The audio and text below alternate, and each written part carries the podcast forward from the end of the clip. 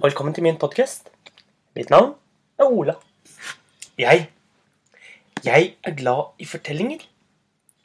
Eventyr. I historier. Og noen ganger så liker jeg å fortelle fortellinger som har blitt fortalt i flere hundre år foran leirbålet. Eller som har blitt fortalt fra en bestemor til barnebarn, fra barnebarnet til sine barnebarn, osv. Men noen ganger så liker jeg også veldig godt å finne på egne fortellinger. Da finner jeg på akkurat her og nå sammen med deg. Og det er nettopp det vi skal gjøre i dag. For en god stund siden, faktisk nesten 200 episoder siden, eller et halvt år siden Da Da begynte vi på fortellingen om hvordan jeg lærte meg magi. Nå har jeg ikke fortalt videre på denne historien på flere måneder. Men Men nå, i dag, tenkte jeg at vi skal fortsette. For vi skal høre fortellingen om hvordan jeg lærte meg magi.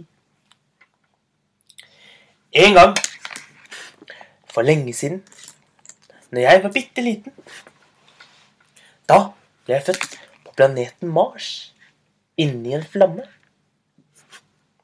Jeg gikk i lære hos trollmannen Babi, verdens mektigste trollmann, og jeg skulle lære magi. Men for å kunne lære meg magi måtte jeg skaffe tre ting. Jeg måtte skaffe regnbuefjæren til regnbuefuglen Rock. Verdens største fugl. Jeg måtte, få tak i evigvarende is. Is som aldri smelter. Og jeg måtte få tak i drageskjellet til en drage. Og først så reiste jeg opp på et stort isfjell, hvor det var et isslott. Og jeg ble kjent med flere venner. Sammen klarte vi å løse gåtene i is isslottet. Til slutt, til slutt så fikk jeg tak i regnbuefjæren til regnbuefuglen Rock. En fugl som var så stor at bare på fjæren kunne jeg og alle vennene mine fly ned tilbake igjen til slottet til Babi. Siden la jeg ut på en letning etter evigvarende is. Men ingen av vennene mine kunne bli med på turen, så jeg reiste av gårde alene. Men jeg ble snart kjent med Dengis Khan, kongen over alle tigre. Sammen reiste vi videre på en stor og mektig hest som het Aron. En stormhest som kunne både løpe på vann, i, på land og i luften med, for den kunne fly. Sammen var vi ute med farlige eventyr, hvor vi ble jaget av en stormfugl, som til slutt ble beseiret av gudene Thor og Sevs, to guder av lyn og torden. Men nå skulle jeg hjelpe Dengis Khan. For mammaen til Dengis Khan var nemlig en mektig, mektig tiger som en gang ble gjort om til en gullstatue av kong Salomo. For kong Salomo han hadde en magisk stav som han kunne gjøre alle han ville, om til gull. Og kong Salomo var den mektigste kongen gjennom tidene. En konge som var kongen over alle åndene. Men han bodde på en øy hvor det tok 500 år med vanlige skip å reise ut. Men heldigvis så kunne Aron løpe mye fortere. Og på ganske kort tid kom vi løpende fram til den første øyen. Der ble vi møtt av tusener av små elger. Elger som var så små som maur. Vi ble tatt til fange. Og elgene, de lurte veldig på om vi var spioner for reinsdyrene. Men jeg fikk snakket med dem fortalt hva vi skulle. Akkurat når kongen av elgene sa at vi skulle få lov til å gå og reise videre. Da brøt Dengis Khan seg ut av fengselet. Han slo i stykker alle de tusen låsene som var på døren. Da ble elgene illsinte på oss og begynte å skyte på oss med masse små, bitte små piler som var fulle av gift. Giften var så sterk at vi kom til å dø etter bare tre dager. Men heldigvis så møtte vi en kjempestor sommerfugl. Og kuren for å kurere eh, giften til elg, elgene, det var nemlig sommerfuglvingestøv. Støvet som kommer under sommerfugler når de flyr. Men vi hadde et problem, for hesten min, Aron, han hadde sovnet. Han hadde spist topanobær, som gjør at du sover i enten ett eller hundre år. Men heldigvis så finnes det én ting som gjør at du kan våkne. Nemlig hvis du får tak i tipinibær. Og tipinibær, det er rosa og grønne bær. Men du må passe på. De bærene som er mer grønne enn rosa, vil drepe deg. Men de bærene som er mer rosa enn grønne, de vil kurere deg. Og vi dro inn i skogen og møtte en ape. Men apen, han hadde samlet alle tipinibærene i hele skogen. Og bare ett bær var mer rosa enn grønt, og 99 bær var mer grønne enn rosa. Så de kom til å drepe Aron hvis de tok feil. Han brukte sin magi, og vi ble blinde og kunne ikke se noen ting. Men Men jeg klarte på lur måte å finne ut hvilket bær som var det riktige. Og apen sa her har du premien. Du har vist at du er så klok at du skal få lov til å få et tipinibær, det riktige tipinibæret, som vil helbrede din hest.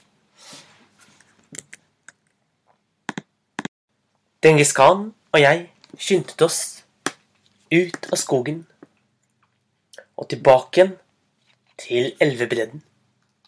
Der lå Aron og jeg skyndte meg å gi til pinebæret. Og Aron lå helt stille. Ingenting skjedde. Og jeg begynte å bli redd for at Aron hadde dødd. Men da beveget, beveget halen seg på Aron, og snart åpnet han øynene, og Aron var levende og våken igjen. Nå, nå vrinsket den og var så full av energi. For nå hadde den sovet lenger enn det den noen gang hadde gjort i hele sitt liv. For stormhester sover ikke lenger enn ett, kanskje to minutter om gangen. Men nå hadde Aron ligget og sovet i flere timer. Den var så full av energi. Den var så klar til å løpe videre til neste øy. Og, og Dengis Khan og jeg sa eh, vi kan dra hvert øyeblikk. Vi må bare finne med oss litt mat som vi kan ta med på turen.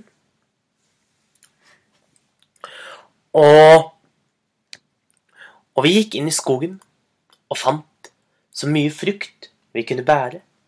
Vi fant røtter. Vi fant urter. Vi fant ulike grønnsaker. Og vi tok med oss alt det vi kunne finne, og la det i en stor kurv som vi lagde av palmeblader. Så gikk vi ned til vannet, ned til elven. Der så vi at det svømte mange fisker i ulike farger. Og Vi skyndte oss å lage et nett av de samme palmebladene. Og nettet kastet vi ut i vannet og trakk opp. Først så trakk vi opp bare blå fisker. Vi kastet garn ut på nytt. Denne gangen fikk vi bare gule fisker. Vi kastet en tredje gang, og denne gangen fikk vi bare røde fisker. Og nå var vi klare til å reise videre.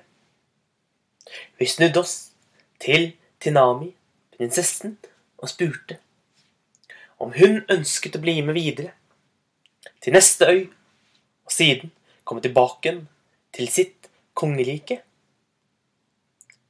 Tinami tenkte seg godt om. Ja, hun kunne godt tenke seg å bli med oss på ferden. Så hun, Dengis Khan og jeg satte oss opp på Aron. Nå var vi klare til å løpe videre til neste øy. Men den neste øyen, den var nesten 100 år unna med en vanlig båt. Det var enda lenger enn det det hadde vært til den første øyen. Men Aron var så full av energi at vannet rundt han begynte å stige og sveve som små bobler som svev, svevde rundt og rundt ham i en spiral. Og Aron slo hoven ned i vannet, og det kom store bølger som slo innover mot øyen. Aron var så klar til å løpe. Håret begynte nesten å brenne. Så klar var han til å løpe. Så vi satte i gang ut over havet. Og han løp. Han løp så fort, så fort. Hvis jeg noen gang hadde trodd at han hadde løpt fort før, så var det ingenting. Nå løp han så fort at bølgene sto over som en stor fontene til hver side. Han løp så fort at vi ikke kunne holde øynene åpne engang. Øynene ble så fulle av tårer at vi ikke kunne se en eneste ting. Vi måtte bare klamre oss fast i manen på Aron mens han løp så fort, så fort, så fort. Vinden ulte i ørene. Og det var nesten ikke mulig å høre noe annet enn vinden som suste så superfort. Så, rett før middagstid, så kom vi fram til neste øyen. Aron hadde løpt helt til neste øy på en eneste dag. Den reisen som vanligvis tok 100 år med et vanlig skip. Og vi gikk av Aron og så oss rundt. Vi var kommet til en underlig øy. Gresset var helt blått. Og trærne Trærne var farget i lyseblå og turkis. Det var i sannhet en underlig øy. Vi vi bestemte oss for å slå opp teltet vårt og sove her. Så vi gjorde det. Vi satte opp teltet. Spiste litt god frukt. Satte oss inn og begynte å snakke om det vi hadde opplevd. Og Dengis Khan sa Du sa noe i sted om at elgene lurte på om vi var spioner for reinsdyrene. Hva tror du de mente med det? Jeg vet ikke, sa jeg. Jeg har tenkt på det samme. Jeg vet ikke om reinsdyrene er snille, eller om de er slemme. Men kanskje kommer vi til å møte dem på ferden. Det som i alle fall er sikkert, er at desto nærmere vi kommer Salomos slott, desto farligere kommer alt til å bli. Vi lå og sov helt til morgenen kom. Da hørte vi plutselig en skarp lyd som gjorde at vi alle våknet og så oss rundt. Først gned jeg meg godt i øynene, for alt hadde jo vært blått dagen før.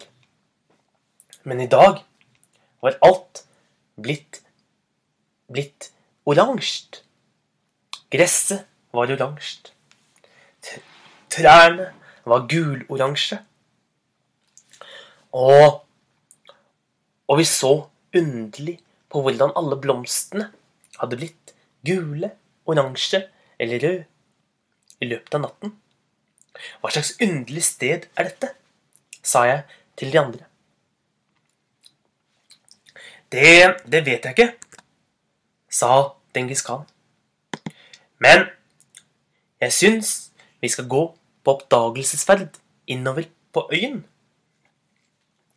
Det var både Tinami og Dengis Khan enig i. Vi, vi pakket med oss litt frukt. Vi begynte å gå innover i den oransje skogen. Vi passet hele tiden på å høre etter lyder. Hva det var som hadde vekket oss, det var vi ikke sikre på. Men det var noe underlig med denne skogen. Vi, vi gikk dypere og dypere inn i skogen. Men det som var rart, var at desto nærmere vi kom inn eh, midten av øyen, desto mer oransje ble alle plantene. Og Og vi gikk og gikk helt til lunsjtider. Da satte vi oss ned og pakket fram maten vår. Vi satte i gang med å spise bananer, kokosnøtter, ananas og papaya. Det var det vi hadde tatt med oss fra den forrige øyen, i tillegg til mye, mye annen deilig frukt. Men rett som vi satt der og spiste, så så vi plutselig at trærne og gresset gradvis forvandlet seg og ble til en ny farge. Alt begynte å bli lilla. Gresset ble stadig mer og mer blått. Trærne ble dypere lilla, og snart gikk de over til mer og mer rosa og rød. Og vi undret oss storlig. Jeg spurte Tinami, vet du noe om denne øyen? Nei, sa Tinami. Det eneste jeg vet, er at denne øyen heter Kalori. Og kalori, det Det er en mystisk øy. For jeg har sett fugler komme flyvende herfra før. Og fuglene gjør akkurat det samme som gresset og som trærne.